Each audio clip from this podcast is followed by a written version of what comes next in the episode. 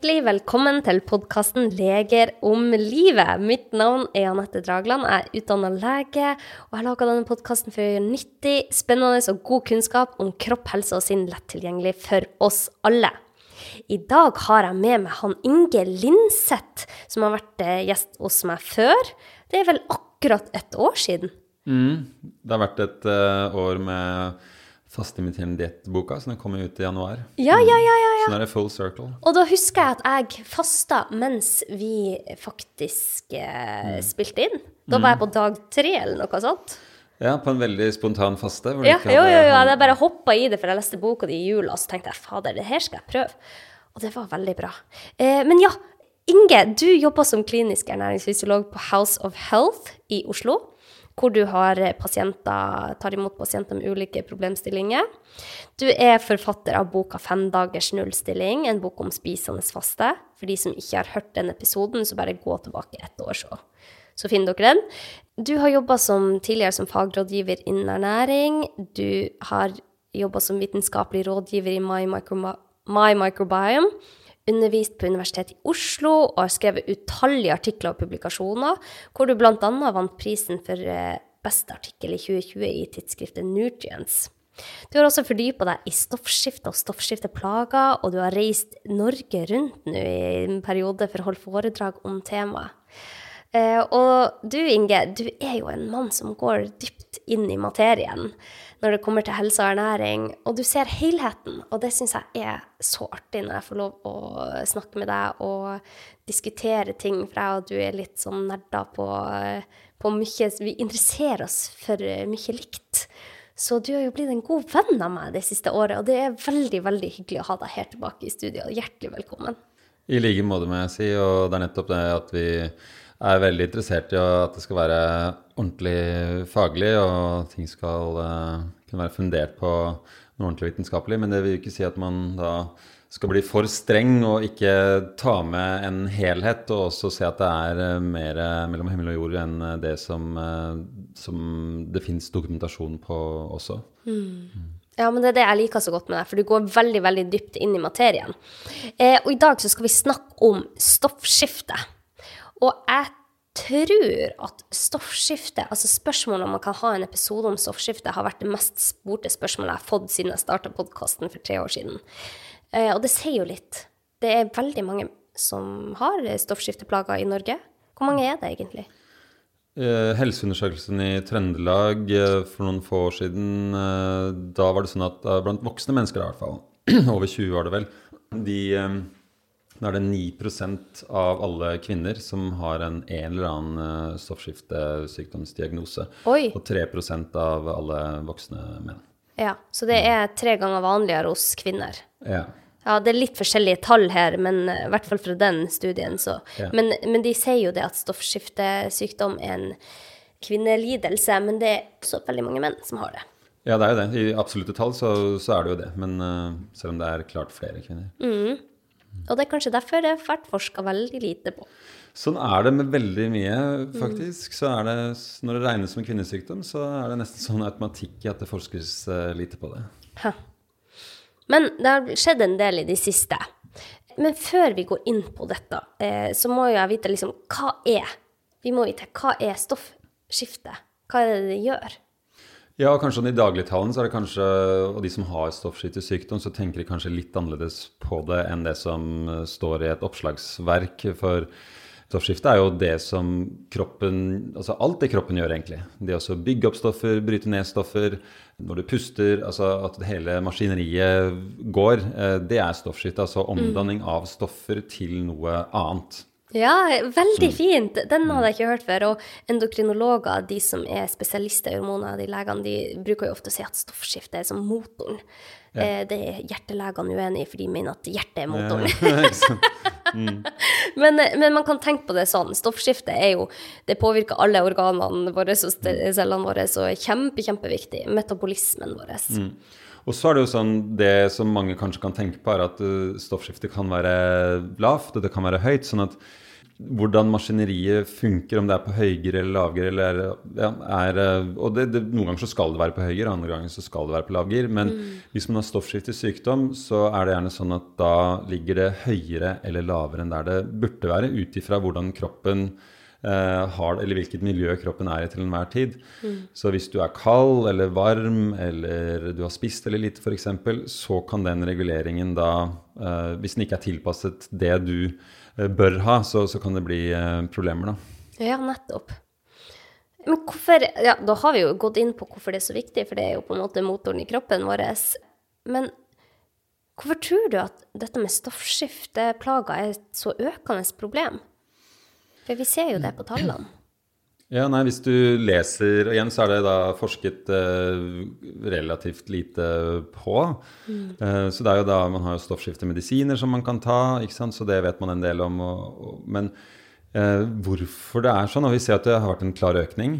Og det er jo ikke så godt kartlagt heller hvor mye stoffskiftesykdom hadde man da for 100 år siden eller 10 000 år siden. Eller, mm. eller, eller bare 50 år siden.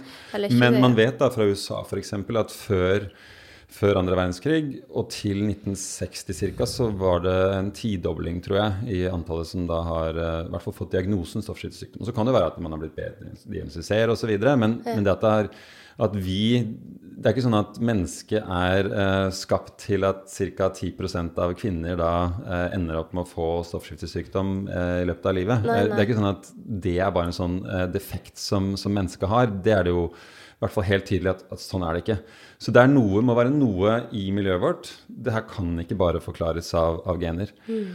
Og, og, da er det jo bl.a.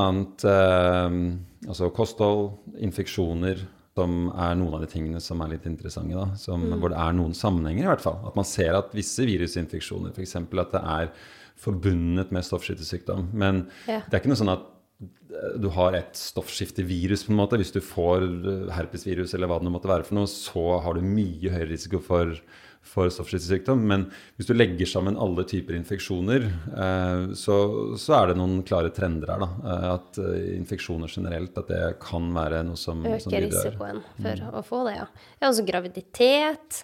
Det kan jo også være forbigående stoffskifteplager hvis det, det kommer i forbindelse med en graviditet. Men autoimmune sykdommer generelt og f.eks. Hashimoto, som er den vanligste stoffskiftelidelsen, er jo en autoimmun lidelse.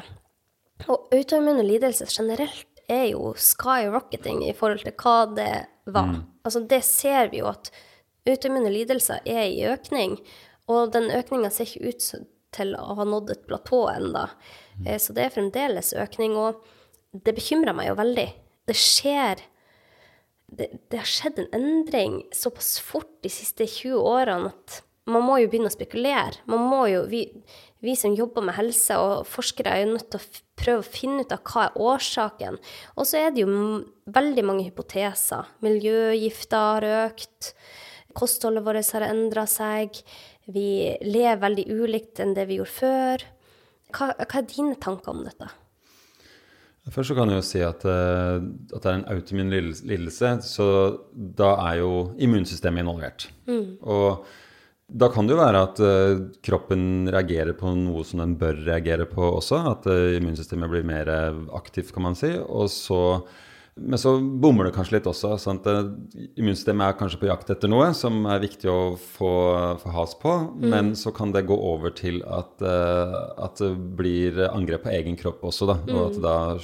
da skjoldkjertelen også da, som produserer disse stoffskiftehormonene, mm. uh, blir angrepet av seg selv på en måte. Ja.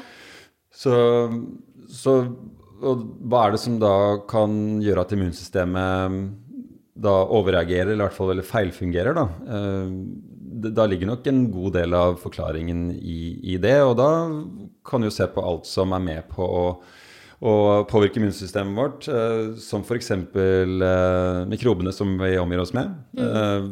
Både for lite av riktige bakterier og kanskje for, for mye av feil bakterier. Mm. Men også selve terrenget. Da, Hvordan er det vi tilrettelegger for at mikrobene skal ha det bra i oss? Og nå har ikke jeg tenkt på om, eller sett på om eh, det jeg skal si nå har noe med stoffskiftesykdom å gjøre, men f.eks. det å være utsatt for jordstoffer. da. At eh, Det er vi i mye mindre grad nå enn da vi gikk rundt på savannen i Afrika. For ja, ja, ja. Eh, eller ble født på et jordgulv. Eh, og så eh, Spiste maten rett fra jorda. Drakk sølevann, holdt jeg på å si. Ja, ja, ja. Så, så kanskje det ligger noe der, men det har ikke noe holdepunkter for i det hele tatt når det gjelder stoffskiftesykdom. Og så er det jo kosthold generelt, da, at det, det kan også påvirke immunsystemet vårt. Og ikke bare akkurat hva vi spiser, men også når vi spiser. Eh, hvor lang nattfaste har vi? Altså, så det er veldig mange ting vi gjør annerledes nå enn det vi gjorde for 100 år siden eller 100 000 år siden. Så summen av alt dette her, det, det er forklaringen på hvorfor vi eh, har mer av disse sykdommene. For det er ikke genene som, som driver den økningen fram, i hvert fall. Nei. Ja, og det er jo multifaktorielt, de fleste lidelser. Ikke sant? Det er mange faktorer som fører til eh, en lidelse, sannsynligvis. Og eh, vi, vi sover mindre, vi stresser. Det, men heldigvis er det ting man kan ta tak i, tenker jeg. Eh, Og med kunnskap så er jeg ikke i tvil om at vi kan klare å reversere denne utviklinga. Jeg håper i hvert fall det. Jo, og så er det jo Jeg hører no, noen som sier at nei, kostholdet f.eks. har ikke noe å si for stoffskiftesykdom. Eh, og det er jeg helt uenig i, for vi har jo da eh, En ting er at det er mineraler som uh, skjoldkjertelen må ha for å fungere. Så, så Vi vet jo at selen og jod er viktig, så det er ikke noe tvil om det. Og at det er en del som ikke har godt nok inntak av det.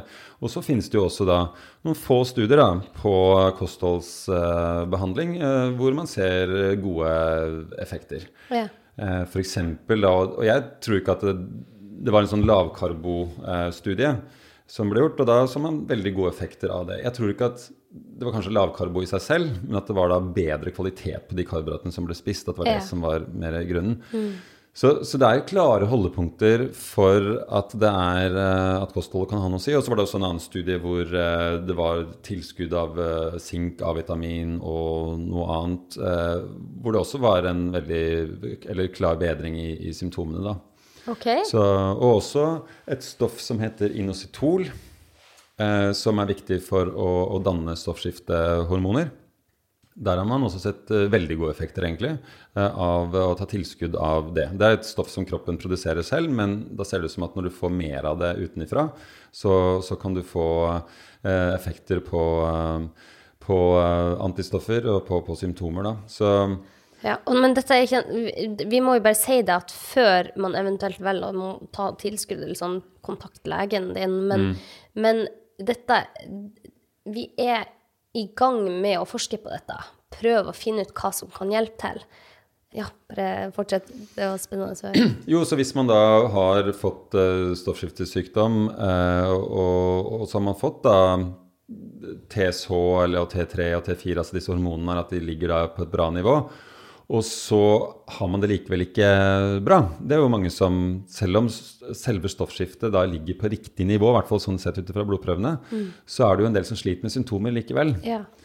Så, eh, og da får man kanskje høre at eh, ja, alt ser fint ut på prøvene, og så ikke noe mer forslag om å gjøre noe da. Um, så da kan det være at det er at man skal ha bytte litt medisin. Kanskje noen har det bedre på ren T3 f.eks., eller en kombinasjonsterapi med T3 og T4.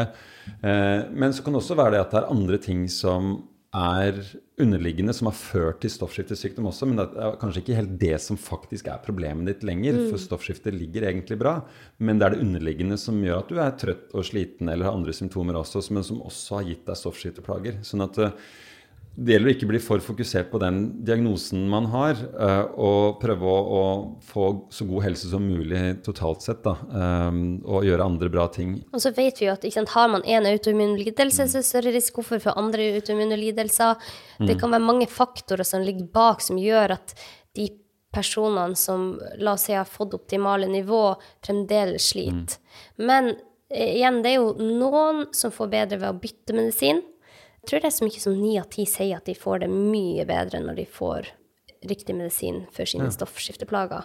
I hvert fall uh, hørte jeg det her om dagen. Men Stoffskifte, altså bare, for du har nevnt skjoldkjertelen. Og den, det er en kjertel som sitter som en sånn sommerfugl rett over kragebeinet på hal, fremre delen av halsen der, som hviler på luftrøret.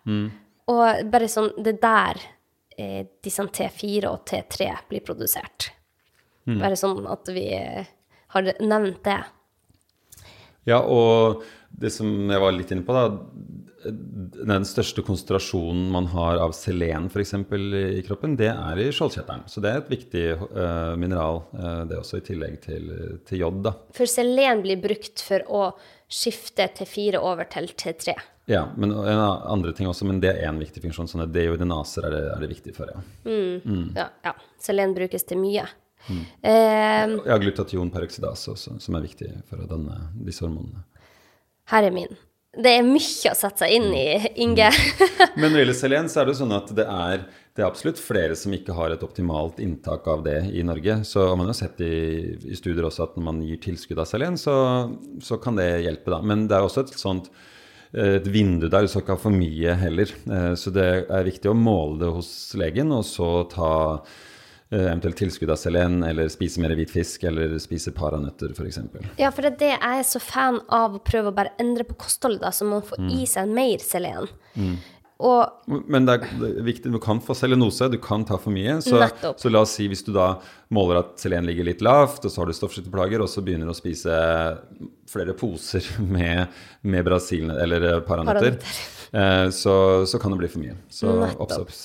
Ja, nettopp. Så alt med måte her. Men jeg ble jo altså Jeg husker når jeg var gravid, og så satte jeg meg skikkelig godt inn i dette, for at vi vet at veldig mange gravide har jodmangel i Norge. Og da ble jeg overraska over hvor mye eh, jod jeg egentlig måtte få i meg. Hvorfor er jod så viktig for stoffskiftet?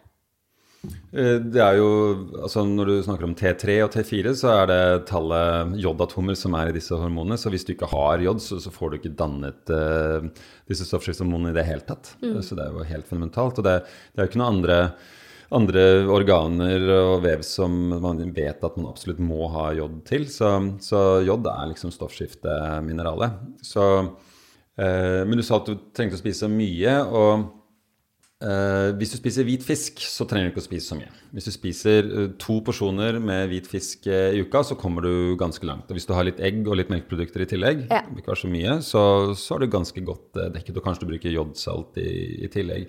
nå er det ikke så mye jod i jodsalt, faktisk, men det er i hvert fall litt mer enn i vanlig salt. Men hvis man ikke spiser hvit fisk, og det er overraskende mange i Norge som ikke spiser hvit, hvit fisk i løpet av ei uke, så måtte man ganske høyt. Jeg husker jeg måtte opp i nesten en liter med kefir eller yoghurt for å få i meg nok om dagen for å få i meg nok jod. Så da ble jeg enda bedre på å spise hvitfisk. Og så tenker jeg på barna òg. Jo, men det er, eh, det er, ganske mye du må få i deg, og det var jo da kunne det bli en seks-sju år siden eller noe sånt nå, hvor, eh, hvor myndighetene var eh, ja, obs på det der at nå har det skjedd noen ting i, i, jordbruket. Eller i hvert fall vi spiser mindre jod, og at ja. nå må vi kartlegge enda mer og, og, få folk til å spise mer jod. Så, så, det har vært noe som har eh, økt mer i omfang, det mangel på det. Altså Det var en annen situasjon for 30 år siden, f.eks. Da var det, var det, bedre. Ja, eh, og det er jo det, ikke sant. Det er andre Vi, vi dyrker maten vår annerledes nå enn vi gjorde for 30 år siden. Så kanskje man må være mer obs på enkelte mineraler nå enn før i tida, for det var kanskje mer av disse mineralene i jorda, i jordsmonnet. Ja, jeg vet ikke om det stemmer helt eh, det jeg har eh, hørt, da, men at man da brukte mer eh, taremel, altså, eller hadde da mer ting fra havet som man uh, fikk ut på jordene. Og at det er det som er noe av grunnen at det er mindre jod i, i maten. Ok, Ja, det er sikkert mange ting, men mm. det er interessant. Mm. For i tang så er det mye mm. jod. Mm. Ok, Vi skal gå nærmere inn på det når vi kommer til eh, hva man kan gjøre. Men så du sier at jod er viktig for stoffskiftet vårt. Men for oss som er eh, For de som er friske eller plaga, hva kan vi egentlig gjøre for stoffskiftet vårt? Vil det være forskjellig hvis du er frisk eller eh, du er plaga med en stoffskiftelidelse? Altså Hvis du er frisk, så, så, um, så, er det ikke noe sånn spesielt du trenger å gjøre på en måte. Du må bare passe på å leve sunt og få i deg nok av uh, de mineralene jeg nevnte. Mm. Um, så, så, jeg tror ikke vanlige folk da på en måte trenger å tenke på stoffskifte, egentlig. Det skal, det skal bare funke. Ja. Mm. Men hvis man har uh, fått uh, stoffskiftesykdom, og da er det jo gjerne Hashimoto jeg tenker på, eller at du har sånn lavt stoffskifte, eller ja. i hvert fall ja, så at det er uh, at jeg har en automin tilstand, da, så, så, er det som vi var litt inne på, at hvordan kan du leve best mulig på alle mulige måter, egentlig. Og selv om vi ikke vet akkurat hva som er viktigst for deg, eller hva som er det viktigste generelt, så, så, er det en ekstra god grunn til å gjøre ting så bra som mulig, og se hvor langt kan du komme hvis du Uh, har et ordentlig bra kosthold. Uh, du uh, mediterer, gjør alt som kan være bra for helsa, og se hvor, hvor langt kan du komme da. for jeg i hvert fall da gi et håp da, til de som har fått dette her og, og ikke har blitt noe bedre. De har fått medisin, medisiner, men liksom, ting er ikke bra nok. Så, så vil jeg si det at ja, vi har ikke så mye studier og kunnskap om at faktisk bare du gjør det her, så vil du bli frisk. Eh, men, men, det er noe som sagt, i miljøet som eh, påvirker dette her. Og da kan også endring i det miljøet du lever i, bidra til å snu prosessen også. Det er i hvert fall eh, ganske logisk for meg, da. Ja. Mm. ja, ja, ja. Du nevner jo flere ting. Vi vet jo bl.a. at stoffskiftet vårt, det er jo den Alle hormonene i kroppen vår er forbundet til hverandre. Og binyrene våre er jo i stor grad forbundet til eh, skjoldkjertelen, og det er mange sånne koblinger som vi enda har til gode å forstå hele omfanget av hvordan disse fungerer sammen. Men det jeg bare ser med mine pasienter når jeg jobber som fastlege, er at det å se på flere faktorer eh, når man har fått en lidelse, f.eks. lavt stoffskifte, da, og så får man eh, medikamentell behandling, men også se på andre andre faktorer i livet ditt som gjør at kanskje kroppen ikke fungerer helt optimalt. F.eks. hvis man har mye stress, så vil binyrene skille ut kortisol. Kortisol vil igjen påvirke store deler av eh, kroppen din på mange forskjellige måter. Altså, du nevnte meditasjon. Det, det, er mange ting vi kan gjøre for å, å få ned stresshormonene. Men det er kanskje én liten brikke i puslespillet, men kanskje en viktig brikke, da. Så man må se på hva er det i mitt liv som kanskje kan hjelpe meg hvis jeg fremdeles sliter. Og så er det jo sånn at veldig mange kanskje Jeg får ofte tilbakemelding om at ja, men det er ikke min skyld at jeg har denne lidelsen. Og absolutt ikke. Det, det, er, ingen sin, det er ingen sin skyld at man har fått en lidelse. Men jeg er veldig bevisst på å se på flere faktorer når det kommer til mine pasienter og deres lidelser. Hva vi kan gjøre for å få det bedre. Da liker jeg at du tar opp sånne ting som eh, meditasjon eller se på søvn. Det å få for lite søvn vil øke stresshormonene. Men hva andre ting er det du gjør, ser på når du har pasienter med stoffskifteplager?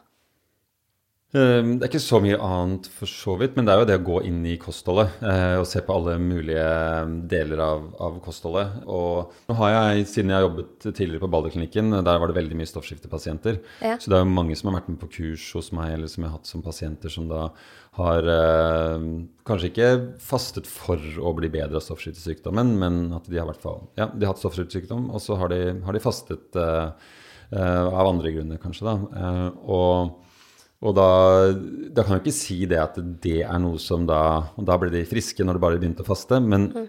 faste gjør jo noe med immunsystemet. Og for uh, noen så ser det ut som at det kan bidra da, til at man får det bedre totalt sett. Så, så, det er én ting. Men, uh, men, så er det det å ha bra kvalitet på kostholdet generelt. Og også spisemønstre. Um, så at det er um, lite bearbeidet mat.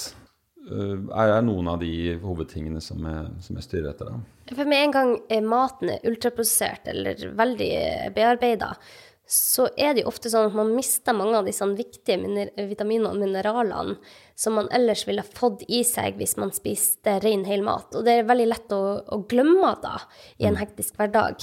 Mm. Eh, at den der hele gulrota inneholder veldig mye rart, og til og med masse bakterier på den, eh, som mm. kanskje er bra for tarmfloraen igjen, som har en påvirkning på immunforsvaret igjen. Så mm. immunforsvaret har en påvirkning på f.eks. en tyreoditt, altså en en autoimmun lidelse. Eh, så alt henger sammen her. Og når jeg ser på det sånn i et sånt helt bilde, så blir jeg mer motivert til å faktisk gidde å spise den gulroten, da, f.eks. Mm. Ja, men jeg er helt enig. Det er en fin måte å se det på. Og, og tenk alle de stoffene som da ikke er med i eh, det som vi sier at dette her må du ha i deg. Det er jo så veldig mange stoffer, jeg vet ikke hvor mange prosent det egentlig er av de stoffene som vi spiser som vi egentlig ikke tenker så mye på, eller som Ja. Så Og som vi ikke vet hvordan Ja. det fungerer i kroppen engang. Ja. men eh, men eh, vi har nevnt jod, og bare for å si det, for jeg kommer til å få 10 000 spørsmål. Hvor mye jod trenger vi voksne daglig? Inntak av jod? Det er vel sånn rundt 160 mikrogram, eh, var det vel, per dag. Og bare for å sette det i litt perspektiv, så er 100 gram torsk inneholder 279 mikrogram. 100 gram torsk. Og mens et egg har sånn ca. 20 mikrogram eller noe sånt. Og eh, hvis du skal få i deg nok gjennom f.eks. melk hvor mye, hvor mye er det? Det er 15 mikrogram per 100 gram, tror jeg, i melk. Ja, så det, det ja, det blir kanskje litt for eh, detaljert, men jeg syns det der er fascinerende hvor mye yoghurt jeg skulle egentlig spise hvis jeg skulle klare å få i meg 175 mikrogram når jeg var gravid.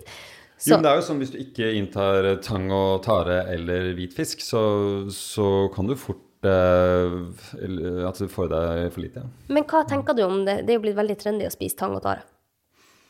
Det er veldig varierende hvor mye jod det er i uh, ulike eh, tang- og tare-typer, eller, eller bare hvilket hav det kommer fra osv. Så, så, så det kan bli for mye også. Så hvis du da skal, hvis du spiser eh, mye tang og tare, så, så kan det bli eh, for mye jod også, da. Så, så jeg ville ikke altså, basert meg på det eh, å spise tang og tare som din viktigste jodkilde. Da ville jeg heller eh, eh, spist litt variert. Uh, og, og hvis du spiser mye tang og tare, så ville jeg ha målt jodverdiene i, i urinen. Da. Ja, jeg er helt enig. Bare for at det kan bli for mye av det gode òg. Hva annet er det som påvirker stoffskiftet vårt? Eh, Det som noen eh, snakker om, men som jeg tenker er bortkasta og bare kan eh, gi et komplisert forhold til mat og unødige begrensninger, det er å prøve å unngå sånne goitrogener. Hva i alle dager? Det er da stoffer i mat, og kan være andre ting også for så vidt, som påvirker skjoldkjertelen. At det da kan hemme hvordan skjoldkjertelen fungerer. Men det som er viktig der, det er at det skal veldig store doser til. Og så må du gjerne spise ting eh, rått. Eh, Da det, kan det være mer negativt gi større effekt. Men Og eks- er dette er de mørke eh, bladgrønnsakene?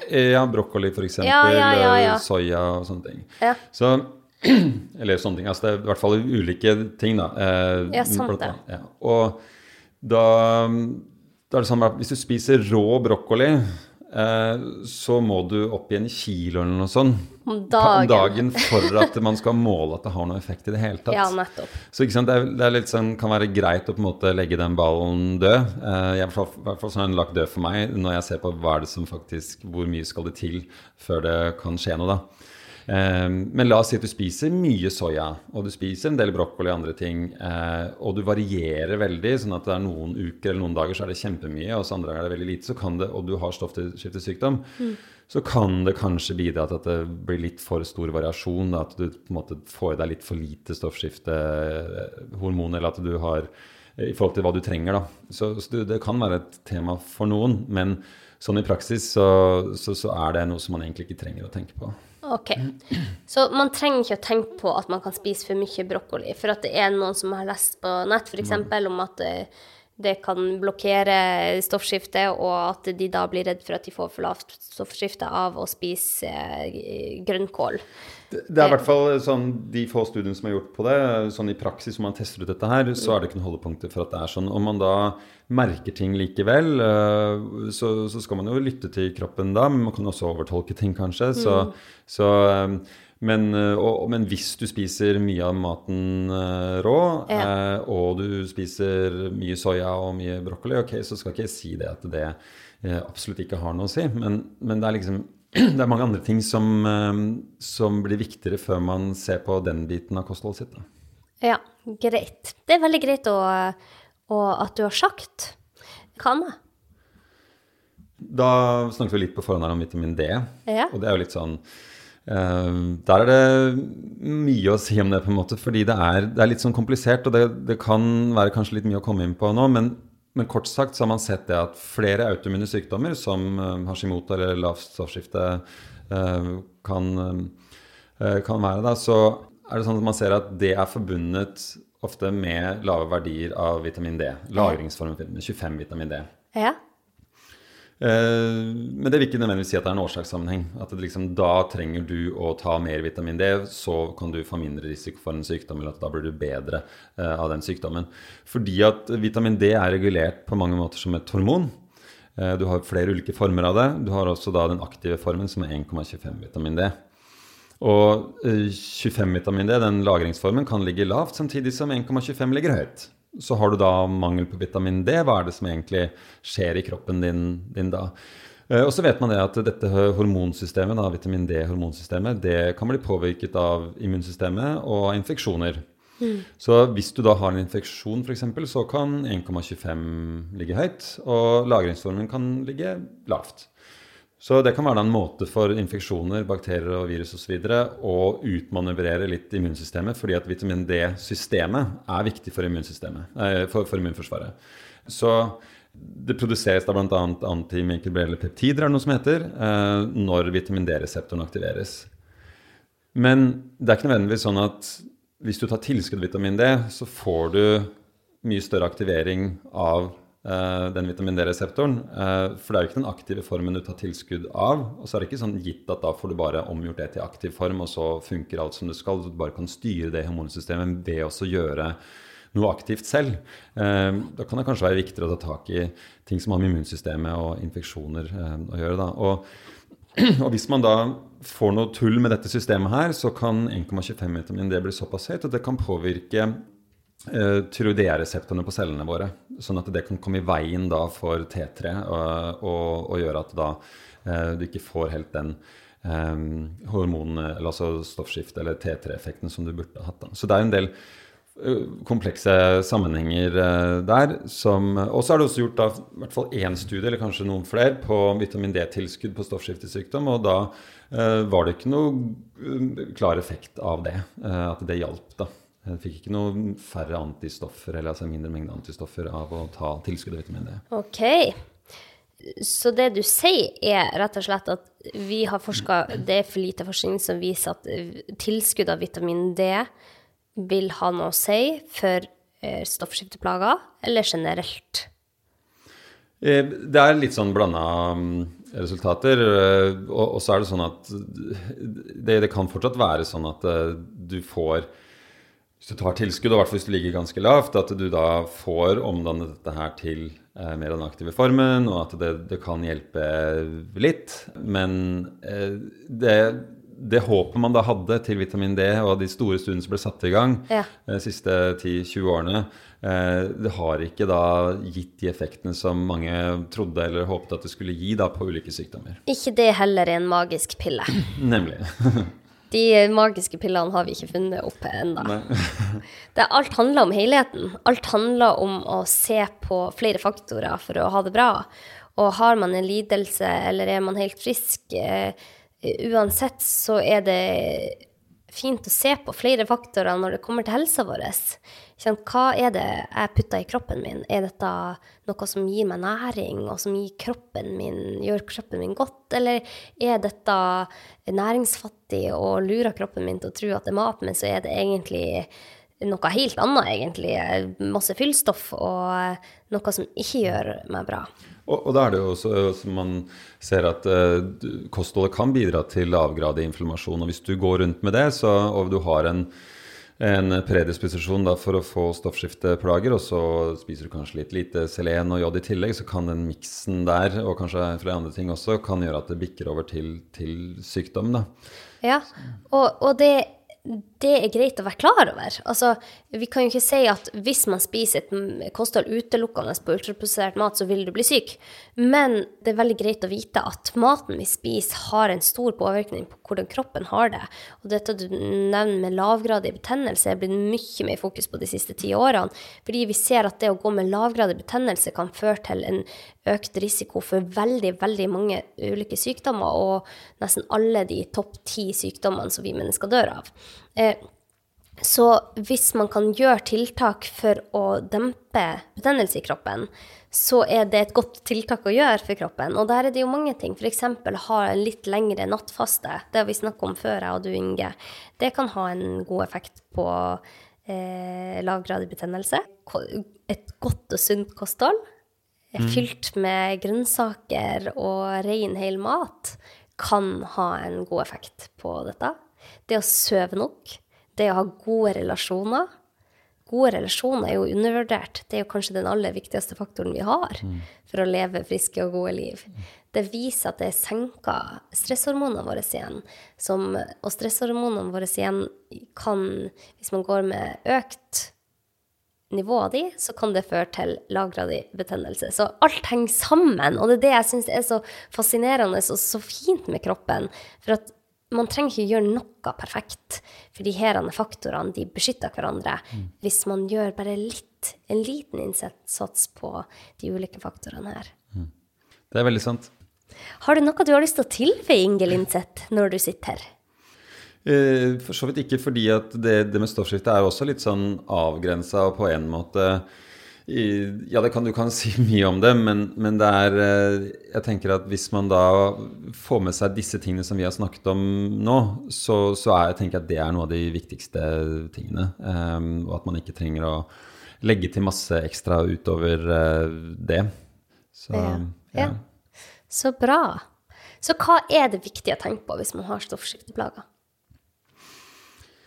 Uh, det, at det ikke bare handler om å, um, å få disse T3, T4, TSH-verdiene til å være på et uh, liksom, optimalt nivå, prøve å søke fra og tenke at det er det alt det handler om, men at det er andre ting som har vært med på å drive den prosessen mot uh, stoffskifteplager. Og hva er egentlig det? Hva er det som egentlig ligger eh, ligger i bunnen her, som har ført til dette her, og ha, ha fokus på, på, alt det rundt. fordi at eh, hos legen så, jo, så, er det jo gjerne fokus på disse prøvene. Eh, så det blir på en måte ofte tatt, eh, eller ivaretatt. Eh, eh, mens alt det andre, det er mitt råd til det man kan fokusere på selv. Eller spørre legen sin om, eller næringsfysiolog om hva, hva kan jeg gjøre for noe mer her nå? For nå mm. ser det ut som prøvene mine er helt ok.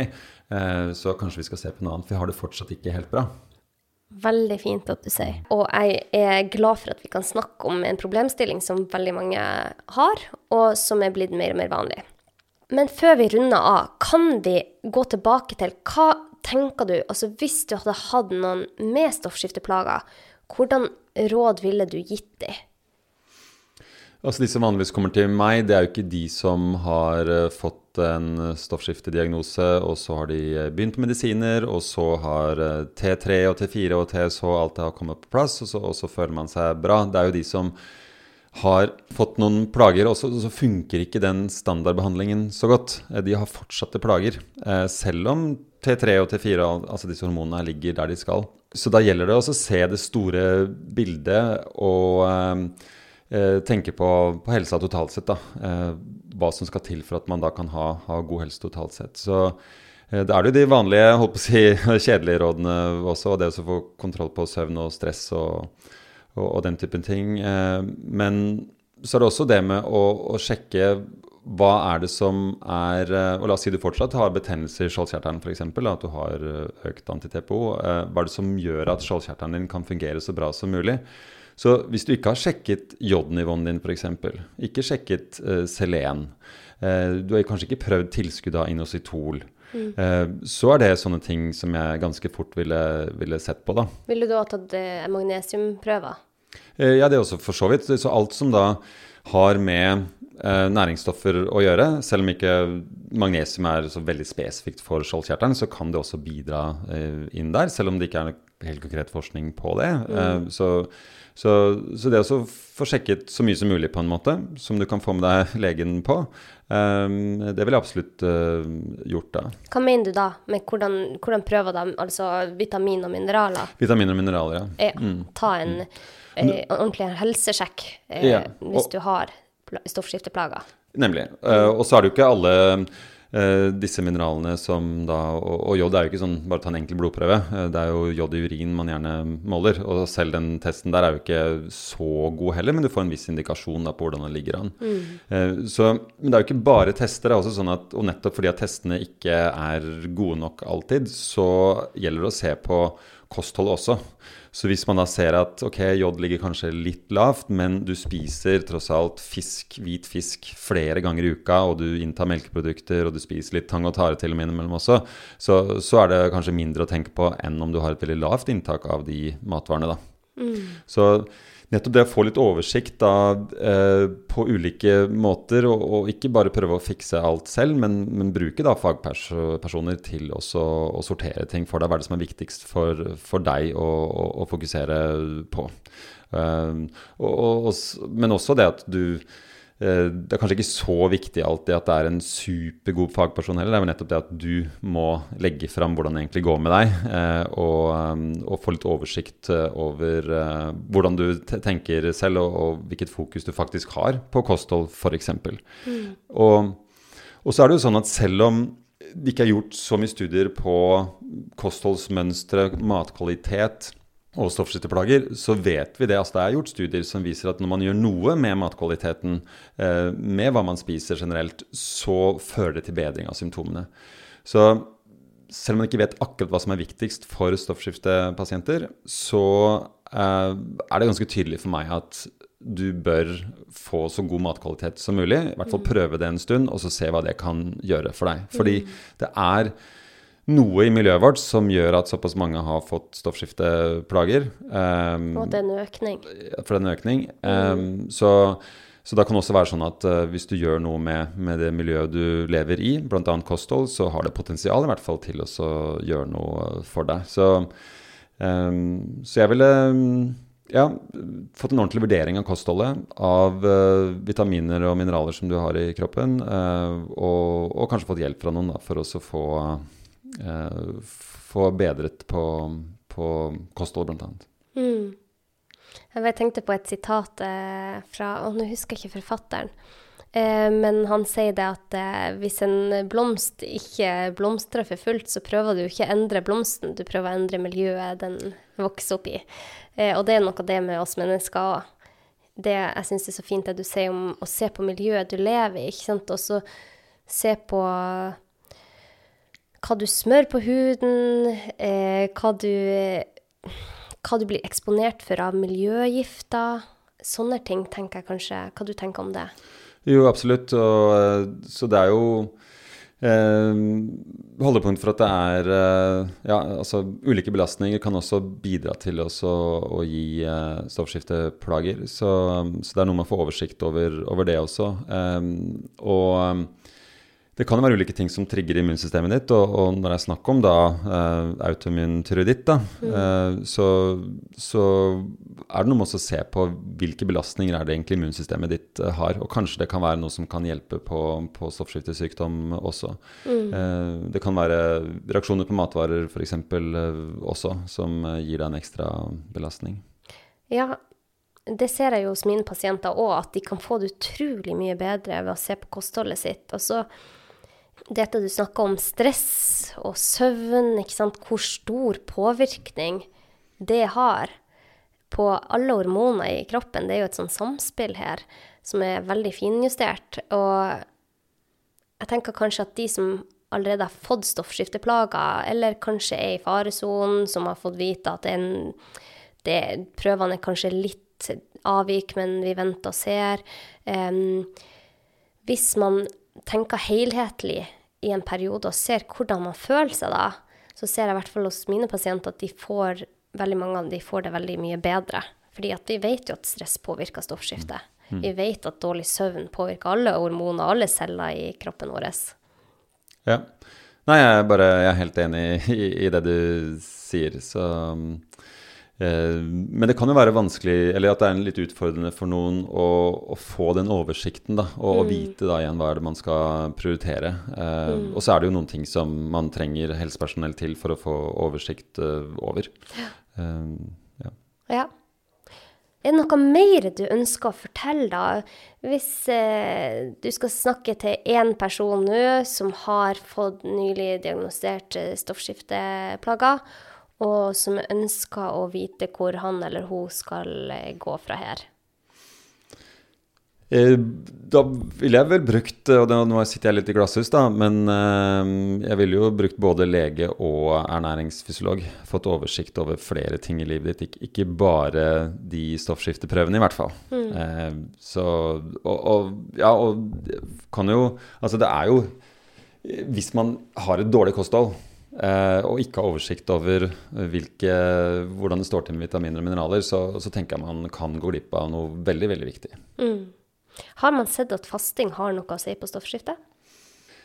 Jeg har hatt mange på kurs da, som har hatt stoffskifteplager, og jeg kan jo ikke si at det, er liksom, at det er mange som da slutter på medisiner, at det er en sånn mirakelkur for det, og det fins veldig få mirakelkurer. Men, men det går ganske bra med mange å faste, eh, og at de generelt føler seg bedre. Men at det er sånn at man da får eh, kan slutte på medisinene og sånn, at det, det Jeg er kanskje litt dårlig til å registrere det og får ikke med meg alt, men, men eh, Det er noe som kan bidra til å gjøre at immunsystemet fungerer bedre, ser det ut til. Så, så det er en av flere ting man kan vurdere å gjøre, i hvert fall hvis man opplever at det er positivt for en. Så eh, og man ikke syns det er for tøft å faste, så, så vil jeg også Så er det helt greit for eh, stoffskifte, de som har stoffskifteplager også, å, å faste. Har du noe mer du har lyst til å tilføye, når vi først da er så heldige å ha deg her i studio? Nei, jeg syns det er veldig gøy å jobbe med stoffskiftepasienter, og, og jeg følger veldig med på forskningen der. Og så det siste som, eh, som uh, man finner ut om dette her, det er jeg klar for å bruke på, på mine pasienter. Så jeg vil gjerne hjelpe flere til å få, uh, få mindre plager av sin uh, stoffskiftesykdom. Eh, Så da kan, hvor kan de nå det? da er det bare å gå inn på houseofhealth.no, og så um, eller på ingelinset.no. Så, um, så kan de ta kontakt der, eller bare booke time. Kjempefint. Du skriver bok, gjør du ikke det?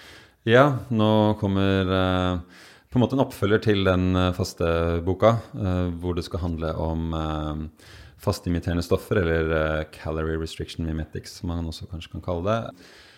Og med fokus på aldring, på aldringsbrems. Åh, spennende. og måling av biologisk alder. Så, så det er veldig fint. Det er det jeg er mest interessert i akkurat nå. Så kan jeg bruke den interessen til å skrive bok om det også. Så jeg hadde jo lest nesten like mye om det om jeg ikke hadde skrevet bok. Så det er veldig fint å på en måte skrive notatene sine i en bok som man ja. kan, eh, kan eh, ja, publisere også. Ja, ja, ja. Også som han har som et eget oppslagsverk. Jeg merker det selv når jeg skriver bok. Ja, ja. Liksom Alt det jeg syns er mest spennende, tar jeg i boka. Ikke sant? Så kan jeg, for man glemmer jo mye av det man lærer. Absolutt. Så nei, veldig hyggelig å ha deg her i studio, Inge. Tusen takk for at du tok deg tid til å komme hit til Fornebu. Og med det så sier jeg takk for, eh, til deg som lytta. Hvis du syns denne episoden var nyttig, så send den til noen du tenker den har nytte for. Og med det så sier vi takk for i dag. Takk for i dag. Ha det godt. Ha det.